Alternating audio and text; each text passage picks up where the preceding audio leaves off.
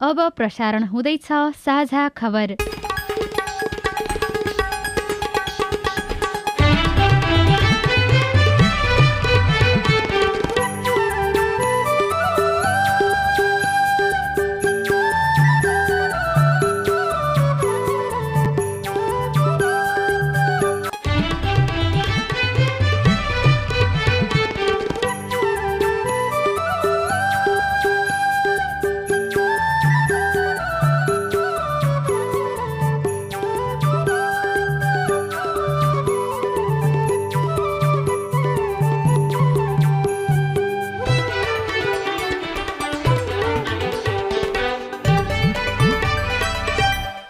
शुभ प्रभात यो सिआइएनको साझा खबर हो। उषा तामाङसँगै राजन रुचालको स्वागत छ।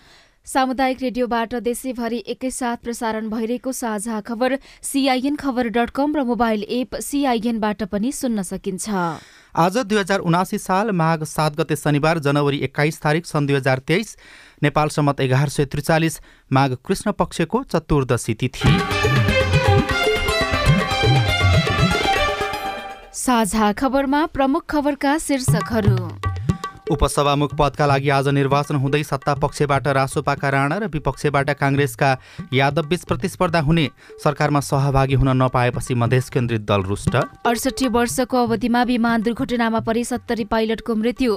फरार सांसद कोइरीलाई पक्रन गृह मन्त्रालयको निर्देशन करोडौँका सवाहल र भ्यू टावर अलपत्र। क्रसर बन्दको विरोधमा व्यवसायी कोरोना बिमा गर्ने अन्ठानब्बे हजारले अझै बिमा बापतको रकम पाएनन्। हिउँ नपर्दा हिमाली खर्कमा आग लागेको जोखिम। बुर्किना फासोमा भएको छुट्टाछुट्टै आक्रमणमा परि अठार जनाको मृत्यु। थप कर्मचारी र सैनिक नभए मालीमा शान्ति मिसन दिगो हुन नसक्ने राष्ट्रसङ्घको भनाई तिब्बतमा हिउँ पहिरोमा परि मृत्यु हुनेको संख्या बीस पुग्यो। र राष्ट्रिय महिला टी ट्वेन्टी क्रिकेटको उपाधिका लागि प्रदेश एक र सुदूरपश्चिम बीच प्रतिस्पर्धा हुँदै।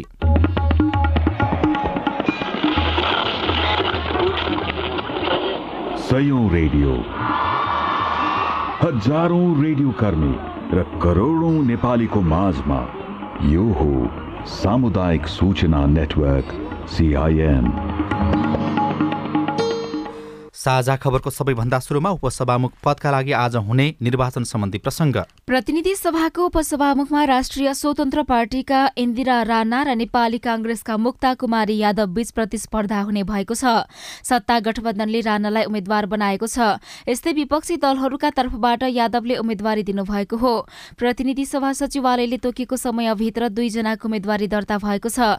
शनिबार आज एक बजे बस्ने प्रतिनिधि सभा बैठकमा उपसभामुख चयनका लागि निर्वाचन हुनेछ। राणालाई राष्ट्रिय स्वतन्त्र पार्टीसँगै नेकपा एमाले नेकपा माओवादी केन्द्र र राष्ट्रिय प्रजातन्त्र पार्टीको समर्थन रहेको छ। सदनमा चार दलको बहुमत पुग्ने अवस्था छ। सत्ता गठबन्धनमा आबद्ध जनता समाजवादी पार्टी जनमत पार्टी नागरिक उन्मुक्ति पार्टी लगायतले मतदान कसलाई गर्ने भन्नेमा निर्णय गरेका छैनन्। यस्तै विपक्षी दलहरूबाट साझा उम्मेद्वार यादवलाई कांग्रेस सहित नेकपा एकीकृत समाजवादी र लोकतान्त्रिक समाजवादी पार्टीको समर्थन छ। स्वतन्त्र सदस्यहरूको समर्थन पनि खुल्न सकेको छैन। यसअघि सभामुख चयनमा भने स्वतन्त्र उम्मेद्वारहरूले सत्ता गठबन्धनका उम्मेद्वारलाई नै मतदान गरेका थिए। उपसभामुखमा उम्मेद्वारी दिनुभएका राणा सामाजिक अभियन्ताका रूपमा परिचित हुनुहुन्छ। अभ्यासमा उहाँ संसदीय अभ्यासमा भने उहाँको पहिलो उपस्थिति हो। म सडकमा कराइराख्ने सडकमा आवाज उठाइराख्ने मान्छे भुइँ मान्छे सबैको सहमतिबाट सर्वसहमतिबाट मेरो पार्टीबाट पनि र मेरा विभिन्न हाम्रा गठबन्धनका पार्टीहरूबाट जुन माया प्रेम पाएँ र यो स्थान पाएँ मैले चाहिँ आम जनतालाई भलो हुने देशलाई भलो हुने निर्णायक भूमिकाहरू मैले खेल्नेछु भन्ने मेरो आशा छ। यादव प्रतिनिधि सभामा नेपाली कांग्रेसका तर्फबाट समानुपातिक सदस्यमा चुनिनु भएको हो। कांग्रेस केन्द्रीय समिति सदस्य रहनुभएका यादव यसअघि राष्ट्रिय सभा सदस्य हुनुहुन्थ्यो। दलभन्दा माथि उठेर त मलाई सहयोग गर्नुहुन्छ सपोर्ट गर्नुहुन्छ त्यसमा म विश्वास छु। मेरो एकदमै निष्पक्ष भूमिका रहन्छ। सबै अब गर्नुपर्ने त्यहाँ उपसभामुख एउटा न्युट्रल हुन्छ नि न्युट्रल रहेर म आफ्नो भूमिका निर्वाह गर्छु। यसैबीच नवनिर्वाचित सभामुख देवराज घिमिरेले कार्यभार सम्हाल्नु भएको छ। राष्ट्रपति समक्ष शुक्रबार शपथ लिनु भएसँगै घिमिरेले सिंहदरबारमा कार्यभार सम्हाल्नु भएको हो। घिमिरे बिहिबार सभामुखमा निर्वाचित हुनुभएको थियो। पदभार कार्यक्रममा घिमिरेले आफू निष्पक्ष र तटस्थ भएर भूमिका निर्वाह गर्ने बताउनु भएको छ। माओवादी केन्द्रका अध्यक्ष पुष्पकमल दाहाल प्रचण्डलाई पुस दसमा प्रधानमन्त्री बनाउन समर्थन गर्ने सात दलीय मोर्चामा सामेल थिए जसपा र जनमत पार्टी। पुस छब्बिसमा मधेस केन्द्रित अर्को दल लोसपा पनि सरकारलाई विश्वासको मत दिएर सत्ताधारी कित्तामा उभिएको थियो। तर सत्ता गठबन्धनलाई लिएर यी तिनै दल सरकारसँग रुष्ट भएका छन्। मन्त्री परिषदमा जनमत पार्टीका एकजना मन्त्री भए पनि उहाँले कार्यभार सम्हाल्नु भएको छैन। सरकारमा जान खुट्टा उचालेका जसपा र लोसपा सम्मानजनक मन्त्रालय नपाएको भन्दै पछि हटेका छन्। प्रतिनिधि सभामा जसपाका बाह्र जनमत पार्टीका छ र लोसपाका चारजना सांसद रहेका छन्। एमाले नेतृत्वको चुनावी गठबन्धनमै सहभागी रहेको जसपा दाहाललाई प्रधानमन्त्री बनाउने प्रस्तावमा सहजै सामेल भएको थियो। पहिलो पटक मधेसबाट राष्ट्रिय पार्टीका रूपमा उदाएको जनमत पार्टी भने काठमाडौँ पुगेपछि तत्कालीन प्रधानमन्त्री शेरबहादुर देवाको सम्पर्कमा पुगेको थियो। उसले काङ्ग्रेसलाई सत्ता समीकरणमा साथ दिने वचन दिएको थियो तर पुस दसमा जसपाकै लाइनमा उभिएको थियो। यी दुवै दल अहिले वर्तमान सत्ता गठबन्धनबाट धोका र अपमान भएको महसुस गरिरहेका छन्। जसपाका अध्यक्ष उपेन्द्र यादवले सत्तामा सामेल दलहरूले मन्त्रालयमा भागबण्डा मिलाउँदा एकलौटे गरेकाले सरकारमा सामेल नभएको बताउनु भएको छ। जसपाले सरकार निर्माणका लागि प्रचण्डलाई समर्थन जनाए पनि नागरिकता विधेयक लगायत मुद्दामा सरकारको धारणा र शक्ति सन्तुलन हेरेर सरकारमा सहभागी हुने बताएको थियो। सत्ता साझेदार दलहरूले सरकारको साझा न्यूनतम कार्यक्रम तयारीका लागि गठन गरेको समितिमा जसपाले रकम चेम्जोङलाई सामेल गराएको थियो। जसपाले उपराष्ट्रपति र तीन मन्त्रालयमा दावी गरेको थियो तर सत्ता गठबन्धनले एक मात्रै मन्त्रालय दिने गरी भागबण्डा टुङ्ग्याएपछि असन्तुष्टि बढेको हो। जनमत पार्टीले पहिलो चरणमै अब्दुल खानलाई प्रचण्ड नेतृत्वको मन्त्री परिषदमा पठाएको थियो। उसले बिना विभागीय हैसियतमा रहेका खानलाई महत्त्वपूर्ण मन्त्रालयको जिम्मेवारीसहित अर्को एउटा मन्त्रालय पनि दावी गरेको थियो तर बुधबार भएको मन्त्री परिषद विस्तारमा उसले एक मात्रै मन्त्रालय खानेपानी मन्त्रालय पायो। सुरुमै मन्त्रीको शपथ खानुभएका खान त्यस यता मन्त्रालय जानुभएको छैन। जनमत पार्टीका महासचिव चन्दन कुमार सिंहले सात दलीय गठबन्धनबीच भएको समझदारी उल्लङ्घन भएको बताउनु भएको छ। राष्ट्रिय दल हुन नसके पनि मधेसमा स्थापित लोसपाले सरकारमा सहभागी हुनकै लागि प्रचण्ड नेतृत्वको सरकारलाई विश्वासको मत दिएको थियो। लोसपाले नागरिकता सम्बन्धी मुद्दा सम्बोधन गर्ने प्रतिबद्धता भए सरकारमा सहभागी हुने जानकारी सत्ता गठबन्धनलाई दिएको थियो। सरकारको नीति तथा प्राथमिकता र न्यूनतम कार्यक्रममा मुद उक्त मुद्दा सम्बोधन भएपछि लोसपाले नेता शरद सिंह भण्डारीलाई सरकारमा सामेल गराउने तयारी गरेको थियो तर गठबन्धनले रुचि देखाएन। सरकार निर्माणका बेला समर्थन गरेका र विश्वासको मत दिएका जसपा जनमत र लोसपा सरकारमै सहभागी हुन चाहे पनि सम्मानजनक मन्त्रालय नपाएपछि असन्तुष्ट बनेका छन्। कर्तव्य ज्यान मुद्दामा फरार सांसद लक्ष्मी महतो कोइरीलाई पक्राउ गर्न गृह मन्त्रालयले प्रहरी प्रधान कार्यालयलाई निर्देशन दिएको छ। मौखिक आदेश हुँदा पनि पक्राउ नपरेकामा गम्भीर ध्यानकर्षण भएको मन्त्रालयले जनाएको छ। मन्त्रालयका प्रवक्ता फणिन्द्रमणि पोखरेलद्वारा जारी विज्ञप्तिमा कोइरीलाई पक्राउ गरी तत्काल कार्यवाही प्रक्रिया अगाडि बढाउन शुक्रबार निर्देशन दिइएको हो। एमालेबाट निर्वाचित प्रतिनिधि सभा सांसद कोइरी विरूद्ध प्रेम बहादुर विकले कर्तव्य ज्यान मुद्दा दायर गर्नुभएको थियो। Música यति एयरलाइन्सको विमान दुर्घटनाको प्रभाव पर्यटन क्षेत्रमा पनि परेको छ। पोखरा अन्तर्राष्ट्रिय विमानस्थलमा अवतरणका क्रममा सेतीको खोजमा भएको विमान दुर्घटनामा पन्ध्र विदेशीसहित बाहन्न बहत्तरजनाको ज्यान गएको थियो। यसको असर पर्यटन आगमनमा पनि परेको व्यवसायीले बताएका छन्। पर्यटक आगमन भइ कम भइरहेका बेला भएको हवाई दुर्घटनापछि त्यसमा झनै गिरावट आएको व्यवसायीको भनाइ छ। गोष्ठी बैठक लगायतका कार्यक्रम पनि रद्द भएका छन्। केही समय यता सडक विस्तारका कारण पोखरा आउने स्थलमार्ग पनि अप्ठ्यारो भएकाले धेरैले हवाई माध्यम रोजेका थिए तर विमान दुर्घटनापछि नराम्रो सन्देश गएको छ। विमान दुर्घटनाबारे फैलिएका अफवाहले यात्रुले यात्रा रद्द गरेका छन् त्यसको मार पर्यटन क्षेत्रमा परेको व्यवसायीहरूले बताएका छन्। यसैबीच यति एयरलाइन्सको जहाज दुर्घटनापछि युरोपेली युनियन इयुको टोलीले नेपालको हवाई सुरक्षाबारे स्थलगत मूल्याङ्कन तत्कालका लागि स्थगित गरेको छ।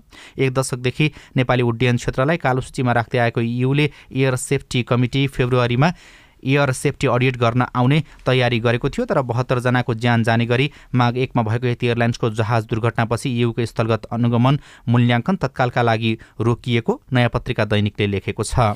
नेपाल नागरिक उड्डयन प्राधिकरण स्थापना हुनुअघि हवाई विभागसँग एउटा मात्रै ट्विन अटर विमान थियो।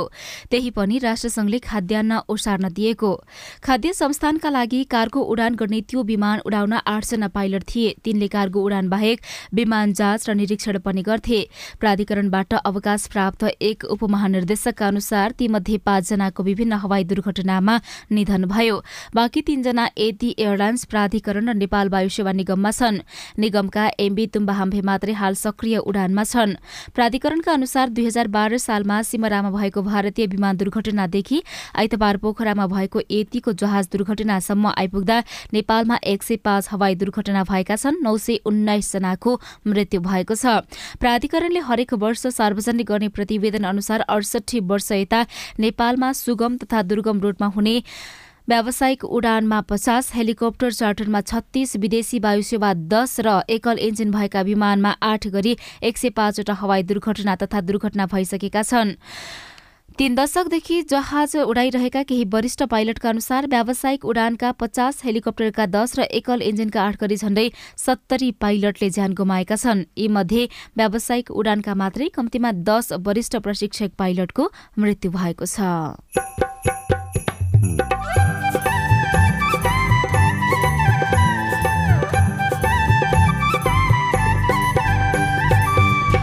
सामुदायिक सूचना नेटवर्क सिआइएन मार्फत देशभरि प्रसारण भइरहेको साझा खबरमा फुजी स्याउको खेतीमा जुम्लाका किसानको आकर्षण।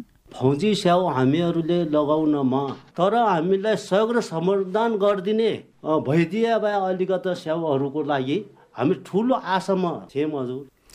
करोडोका सभा हल र भ्यू टावर अलपत र क्रसर बन्दको विरोधमा व्यवसायी हिउन पर्दा हिमाली खर्कमा आगलागीको जोखिम लगायतका खबर बाँकी नै छन्। सिआइएनको साझा खबर सुन्दै गर्नुहोला। सर? नमस्ते। हजुर नमस्ते नमस्ते। हजुर के सेवा गरौँ? सूचनाको हक भन्ने बारेमा रेडियो टिममा खुब सुनिन्थ्यो। हजुर। आज पालिकामा छिरेको बेलामा सोधिहालेँ हजुरलाई।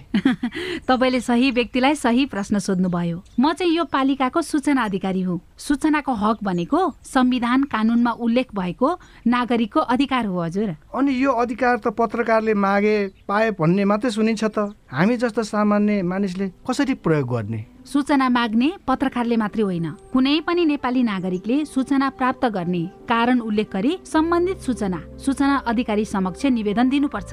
विधि र प्रक्रिया पूरा गरी निवेदन प्राप्त भयो भने सूचना अधिकारीले पन्ध्र दिनभित्रमा उपलब्ध गराउनु पर्ने सूचनाको हक सम्बन्धी ऐनमा भनिएको छ। पन्ध्र दिन पो कुर्नुपर्ने? व्यक्तिको जीवनको सुरक्षासँग सम्बन्धित सूचना माग गरिएको हो भने नि हजुर चौबिस घन्टाभित्रै जानकारी दिनुपर्छ। अनि सरकारी वा सार्वजनिक निकायका अधिकारीले सूचना लुकाएमा पच्चिस हजारसम्म जरिवाना हुने व्यवस्था ऐनमा छ। त्यसका लागि चाहिँ राष्ट्रिय सूचना आयोगमा पुनरावेदन गर्नुपर्छ। अनि यो सूचना माग्दा पैसा पनि लाग्छ? लाग्दैन लाग्दैन। निवेदन उजुरी र पुनरावेदन गर्दा पैसा लाग्दैन। सम्बन्धित निकायले दिने सूचना दस पन्नाभन्दा बढीको भएमा चाहिँ प्रति पन्ना पाँच रुपियाँ तिर्नुपर्छ। ल कुरो बुझ्यो। अब भोलि नै म पनि सूचना माग्न आउँछु। हस् हस्। अस्ट्रेलिया सरकार र द एसिया फाउन्डेसनको साझेदारीमा सञ्चालित स्थानीय सरकार सबलीकरण कार्यक्रम र अकोराब नेपाल।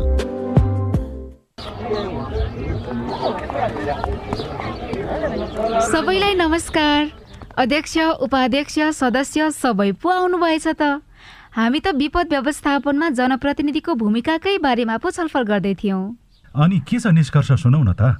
बाढी पहिरो भूकम्प लगायतका विपदको समयमा महिलाका समस्या सम्बोधन गर्न पालिकाले अझ धेरै काम गर्न सक्छ भन्ने हाम्रो बुझाइरह्यो।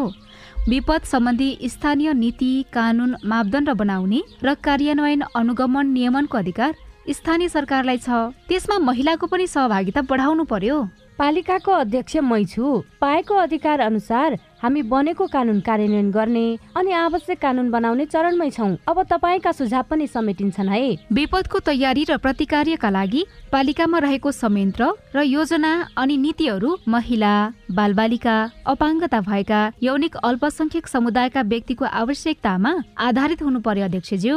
दिदीबहिनीहरूले सही कुरा उठाउनु भयो यहाँ उठेका सबै कुरा कार्यपालिकाको बैठकमा राख्ने प्रतिबद्धता जनाउँदै बरु अध्यक्षज्यू अहिलेसम्म बनेका कानुन कस्तो बने?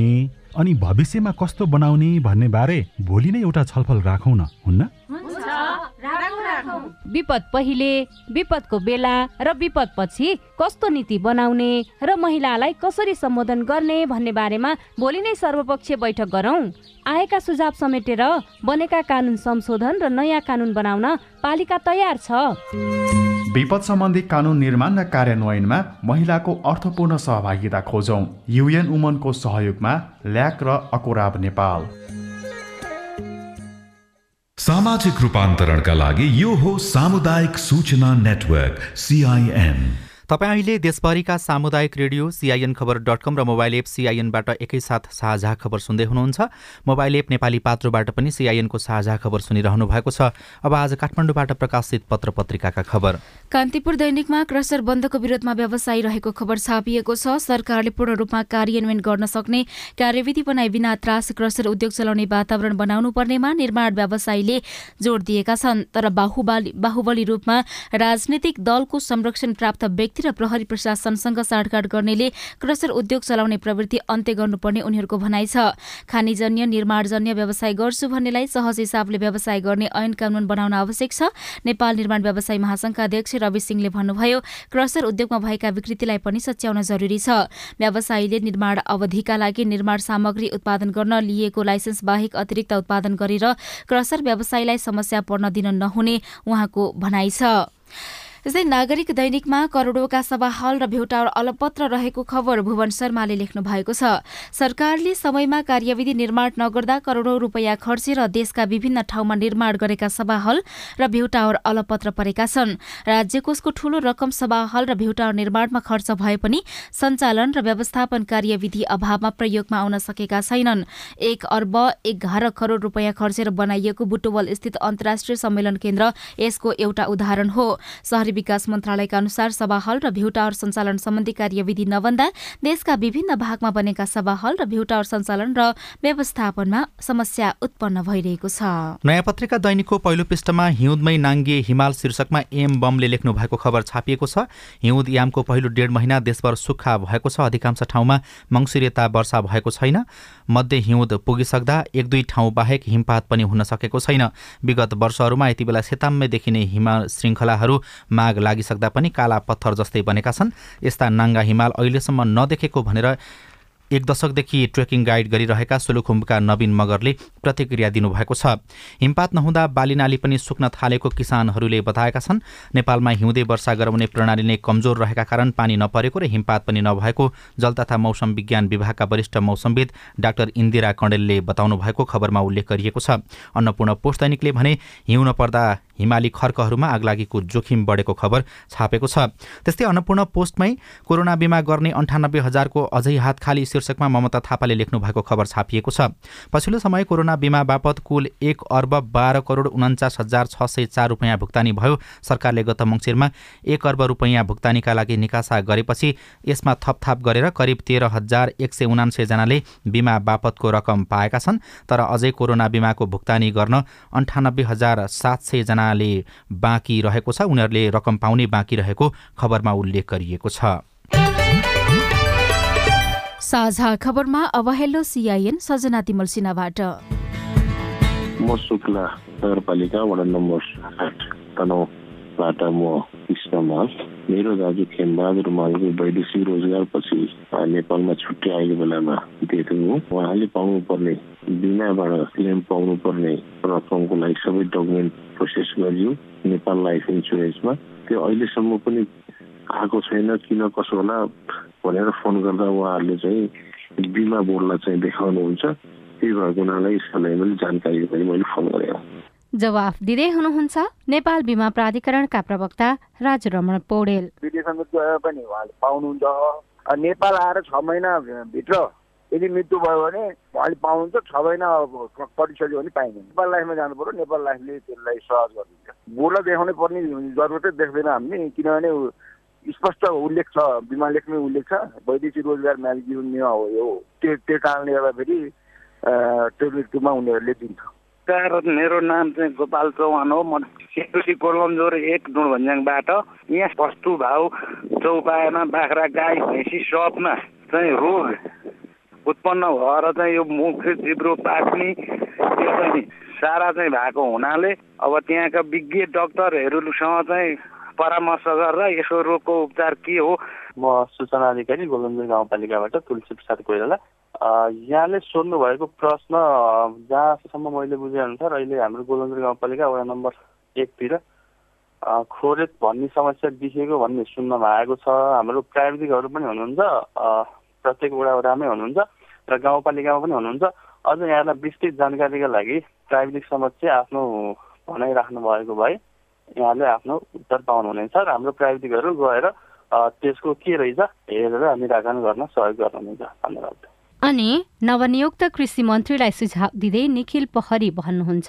जे जस्तो भए पनि कृषि मन्त्री भइसकेपछि र देखि लिएर स्वदेश विदेश कतै पनि घुम्ने होइन नेपालको स्थापना गर्नुहोला। तरकारीदेखि लिएर विभिन्न कृषि मलखात उद्योगको चाहिँ एकदमै उन्मूलन गर्नुहोला र सेवा गर्नुहोला। त्यसको लागि धेरैभन्दा धेरै तपाईँलाई यसको मूल्यहरू घटाइदिनु होला भन्ने चाहिँ आग्रह गर्न चाहन्छु। तपाईँ जुनसुकै बेला हाम्रो टेलिफोन नम्बर शून्य एक बाहन्न साठी छ चार छमा फोन गरेर आफ्नो प्रश्न विचार गुनासो अनि प्रतिक्रिया रेकर्ड गर्न सक्नुहुनेछ।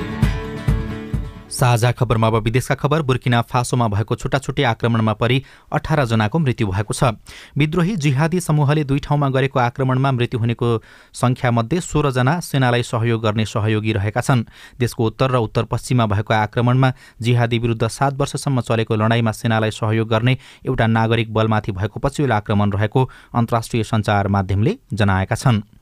अफ्रिकी मुलुक मालीस्थित संयुक्त राष्ट्रसङ्घीय शान्ति मिसन थप कर्मचारी र सैनिक बिना दिगो हुन नसक्ने निष्कर्षसहित राष्ट्रसङ्घले प्रतिवेदन निकालेको पाइएको छ। अन्तर्राष्ट्रिय सञ्चार माध्यमका अनुसार प्रतिवेदनमा मिसनलाई सुदृढ तुल्याउन सेना र कर्मचारी थप्नुपर्ने सुझाव दिइएको छ।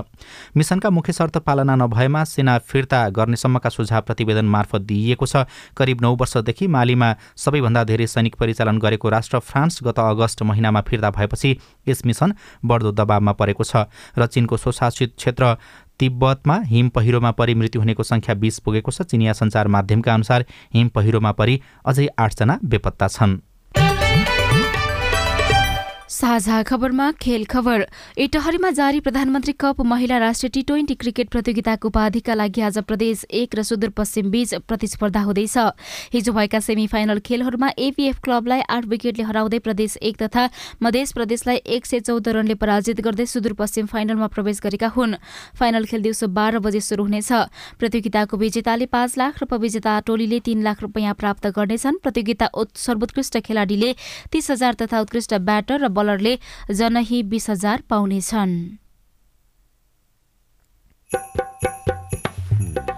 स्याउखेतीले गाउँको मुहार फेर्ने जुम्लावासीको लक्ष्य रेडियो रिपोर्ट अरू खबर र कार्टुन पनि बाँकी नै छ। सिआइएनको साझा खबर सुन्दै गर्नुहोला। बाल विवाह विरुद्ध धर्मगुरुहरूको प्रतिबद्धता। वैदिक साहित्यमा बाल विवाह छैन। बाल विवाह हाम्रो मण्डली अन्तर्गत भएको छैन। हाम्रोमा बाल विवाह हुँदैन यो मुद्दुमले भनेको कुरा हो र हाम्रो व्यवहारमा त्यस्तो नै छ। राधामिस गीता बाइबल कुरान वेद लगायतका सबै धर्मका ग्रन्थहरूले बाल विवाह गर्नुहुन्न भनेको भनेर धर्मगुरुले रेडियोबाट भनेको सधैँ सुन्ने गरिन्छ। तर किन बाल विवाह अन्त्य नभएको होला? हाम्रो नगरलाई बाल विवाह मुक्त गराउन अब के गर्ने होला? त्यो त हो नगर प्रमुख ज्यू। भनेर मात्रै पुग्दैन। सबै धर्मका धर्मगुरुहरूले म बाल विवाह गराउने काममा संलग्न हुन्न भनेर प्रतिबद्धता जनाउने र अरूलाई पनि त्यस्तै सिकाउने कार्य गर्न सके मात्रै त्यो कार्य प्रभावकारी हुन्छ। अनि बाल विवाह विरूद्ध काम गर्ने संघ संस्थाहरू र तपाईँहरू जस्ता स्थानीय सरकारले पनि धर्मगुरू र धार्मिक अगुवाहरूलाई यो अभियानमा सँगसँगै सहभागी गराएर अघि बढ़ाउन सके। बाल विवाह लगायतका हानिकारक परम्परागत अभ्यास अन्त्य गर्न सकिन्छ। हुन्छ राधामिस म त्यसै गर्छु। ओल्ड भिजन इन्टरनेसनल नेपाल र अकुराब। नेपाल टेलिकमको सूचनाको संसार। होइन के सुनेको यस्तो ध्यान दिएर दोहोरो बोलेको जस्तो नि देख्दिन। तिन दुई एक शून्य शून्य क्या? तिन दुई एक शून्य शून्य। के हो त्यो भने? बुझिन त।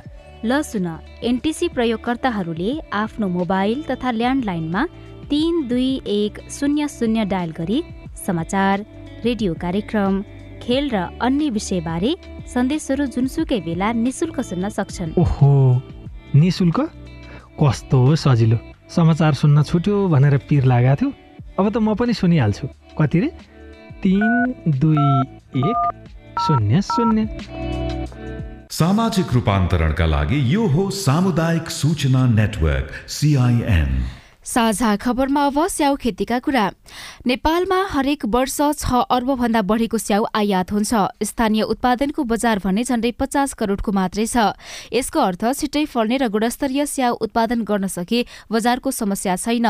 जुम्लामा इटालियन जातको फुजी स्याउ खेतीमा किसानको आकर्षण बढेको छ।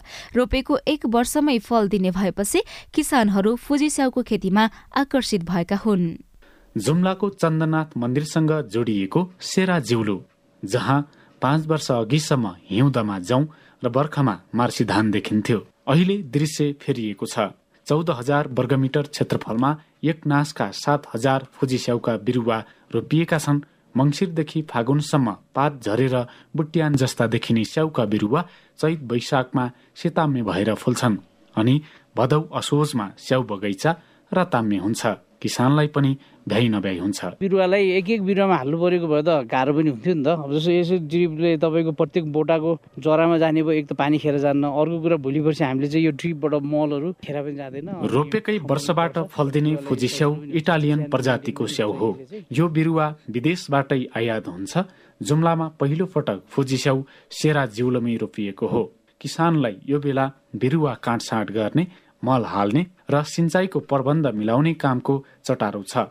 स्थानीय सरोज शाही अर्को वर्ष हामीले हार्भेस्ट गर्नको लागि स्याउ फल लिने हो भने अहिलेदेखि नै यसलाई मलजलदेखि लिएर अलि अहिले तपाईँको कटिङ प्रुनिङदेखि लिएर सबै कामहरू यो माघ महिनामा पनि सकिसक्नु पर्ने हुन्छ त्यो भएनाले अब यो क्यारियर गोडेर भर्खरै सकेको छ के अरे? हाम्रो कटिङ प्रुनिङको काम चाहिँ भोलिबाट सुरु हुँदैछ। अहिले हामीले यो ड्रिप दिइराखेका छौँ। छ वर्ष अघि जुम्ला खलङ्गामा पहिलो पटक रोपिएको फुजी स्याउ अहिले ग्रामीण क्षेत्रमा पनि पुगेको छ। गुटीचौर गाउँपालिका एक नापानीका कृष्ण बहादुर बस्नेत फुजी स्याउ रोप्ने योजना सहित दिनभरि हिँडेर कृषि विकास कार्यालयमा परामर्श लिन आइपुग्नु भएको छ। फौजी स्याउ हामीहरूले लगाउनमा चाहना धेरै थियो। किनकि हाम्रो ठाउँ त प्रशस्त छ सर। सम्म पनि छ पानी नजिक पनि छ तर हामीलाई सहयोग र समाधान गरिदिने भइदिए भए अलिकता स्याउहरूको लागि हामी ठुलो आशामा थियौँ हजुर। छोटो समयमै आमदानी गर्न सकिने फुजी स्याउमा किसानको आकर्षण बढिरहेको छ। रेड डेलिसियस र गोल्डेन जस्ता स्थानीय जातको स्याउमा बाक्लो बोक्रा हुन्छ। फुजी स्याउमा भण्डारण क्षमता पनि बढी छ। यो वर्ष स्याउ सुपर जोनले फुजी स्याउका बिस हजार बिरुवा पचास प्रतिशत अनुदानमा र कृषि विकास कार्यालयले छ हजार बिरुवा सत्तरी प्रतिशत अनुदानमा किसानलाई दिने कार्यक्रम बनाएको छ। कृषि विकास कार्यालय जुम्लाका प्रमुख गणेश अधिकारी। फुजी स्याउ भनेर जुन इटलीबाट आयात हुन्छ त्यो स्याउमा चाहिँ अलिकता क्रेज बढेको छ। के उपभोक्ताहरूले यो स्याउ चाहिँ रुचाएका छन् सेवन गर्नको लागि। उपभोक्ताको माग पनि बढेको। फुजी स्याउ नै लगाउनु पर्छ भन्ने र कतिपय कृषकहरू त अब म चाहिँ पुरानो बगैँचा फाँड्छु र नयाँ यो फुजी लगाउँछु भन्नेतिर त्यस्तो गइरहेको हुनाले हामीले त्यो कार्यक्रम पनि राखेका छौँ। स्याउ सुपरजोन जुम्लाका प्रमुख खेमराज शाहीका अनुसार जुम्लाको बाइस हेक्टरमा फुजी स्याउ खेती गरिएको छ। बिसवटा व्यावसायिक बगैँचा छन्। यो स्याउ प्रति हेक्टर सोह्र सय मेट्रिक टनसम्म उत्पादन हुन्छ। अहिले बाह्र हजार हेक्टरको फुजी स्याउले फल दिइरहेको छ। यो वर्ष एक सय बयानब्बे मेट्रिक टन फुजी स्याउ उत्पादन भएकोमा सत्तरी प्रतिशत जिल्ला बाहिर निर्यात भयो। सिजनमा प्रति किलो एक सय चालिस रुपियाँमा बिक्री हुने फुजी स्याउबाट यो वर्ष जुम्लामा एक करोड सतासी लाख रुपियाँ भित्रिएको छ। फुजी स्याउको बगैँचा स्थापना भइरहेको छ। फल्ने हेक्टर पनि बिस बाइस हेक्टर जति फलिरहेको अवस्था छ। अब कोही लाउने क्रममा छन् वर्षेनी पाँच पाँच दस दस हजार बिरुवा लगाउँछन्। कृषि कार्यालय पनि छ सात हजार बिरुवा बाँड्ने कुरा छ अरे। हाम्रो स्याउ सुपुर्द नहुने बिस हजार पाँच सय बिरुवा बाँड्ने बराबरको बजेट छ हामीसँग जुम्लामा फुजी स्याउ फस्टाउँदै गएको छ। एक वर्षमै आमदानी दिने भएपछि किसान धमाधम फुजी स्याउ खेतीमा जोडिँदैछन्। छ वर्षमा छैसठी हजार बिरुवा रोपिएको जुम्लामा यो वर्ष मात्रै छब्बिस हजार बिरुवा रोपिँदैछ। Manbahadur Kunwar CIN radio Khula Akash Jumla. रिपोर्टसँगै हामी साझा खबरको अन्त्यमा आइपुगेका छौँ। सामुदायिक रेडियो प्रसारक सङ्घद्वारा सञ्चालित सिआइएनको बिहान छ बजेको साझा खबर सक्नु अघि मुख्य मुख्य खबर फेरि एकपटक। उपसभामुख पदका लागि आज निर्वाचन हुँदै सत्तापक्षबाट रासोपाका राणा र विपक्षबाट काङ्ग्रेसका यादव बीच प्रतिस्पर्धा हुने सरकारमा सहभागी हुन नपाएपछि मधेस केन्द्रित दल रुष्ट। अडसट्ठी वर्षको अवधिमा विमान दुर्घटनामा परि सत्तरी पाइलटको मृत्यु फरार सांसद कोइलीलाई पक्रन गृह मन्त्रालयको निर्देशन करोडौँका सभाहाल र भिउटावर अलपत्र। क्रसर बन्दको विरोधमा व्यवसायी कोरोना बिमा गर्ने अन्ठानब्बे हजारले अझै बिमा बापतको रकम पाएनन्। हिउँ पर्दा हिमाली खर्कमा आगलागीको जोखिम। बुर्किना फासोमा भएको छुट्टा छुट्टै आक्रमणमा परि अठारजनाको मृत्यु थप कर्मचारी र सैनिक नभए मालीमा शान्ति मिसन दिगो हुन नसक्ने राष्ट्रसङ्घको भनाई। र राष्ट्रिय महिला टी ट्वेन्टी क्रिकेटको उपाधिका लागि प्रदेश एक र सुदूरपश्चिम खेल्दै। साझा खबरको अन्त्यमा कार्टुन लिएका छौँ नयाँ पत्रिका दैनिकबाट। कर्नर किक शीर्षकमा रवि मिश्रले बनाउनु भएको कार्टुन छ। आज नयाँ पत्रिकाले ठूलो कार्टुन छापेको छ। राष्ट्रपति पदको विषयमा यो कार्टुन केन्द्रित रहेको छ। राष्ट्रपति पद आलङ्कारिक पद हो तर कार्यकारी भूमिका यसको हुँदैन। संवैधानिक भूमिका मात्रै हुन्छ। तर पनि दलहरूले यसलाई स्वार्थ अनुरूप प्रयोग गर्न थालेपछि अहिले राष्ट्रपति पदको निर्वाचन पेचिलो बन्न थालेको छ। यहाँ प्रचण्ड जस्ता देखिने व्यक्ति बीचमा हुनुहुन्छ। दुईतिर दुईजना नेता शेरबहादुर देवा जस्ता देखिने व्यक्ति र केपी ओली जस्ता देखिने व्यक्ति हुनुहुन्छ। उहाँहरू बीचमा प्रचण्डलाई राखेर वाद विवाद गरिरहनु भएको छ। राष्ट्रपतिको विषयमा वाद विवाद प्रतियोगिता जस्तै देखिन्छ। केपी ओली भन्नुहुन्छ राष्ट्रपति पद ओलिङकारीको सेरिङकारिक होइन। अनि शेरबहादुर देउवा भन्नुहुन्छ राष्ट्रपति पद सेरेमोनियल हो केपी मोनियल होइन। हवस् त प्राविधिक साथी सुभाष पन्तलाई धन्यवाद। अहिलेलाई राजन रुचाल र उषा तामाङ विदा भयौं। तपाईँको आजको दिन शुभ होस्। नमस्कार। यसपछि देशभरिका सामुदायिक रेडियोबाट कार्यक्रम सोधी खोजी प्रसारण हुनेछ। सुन्ने प्रयास गर्नुहोला।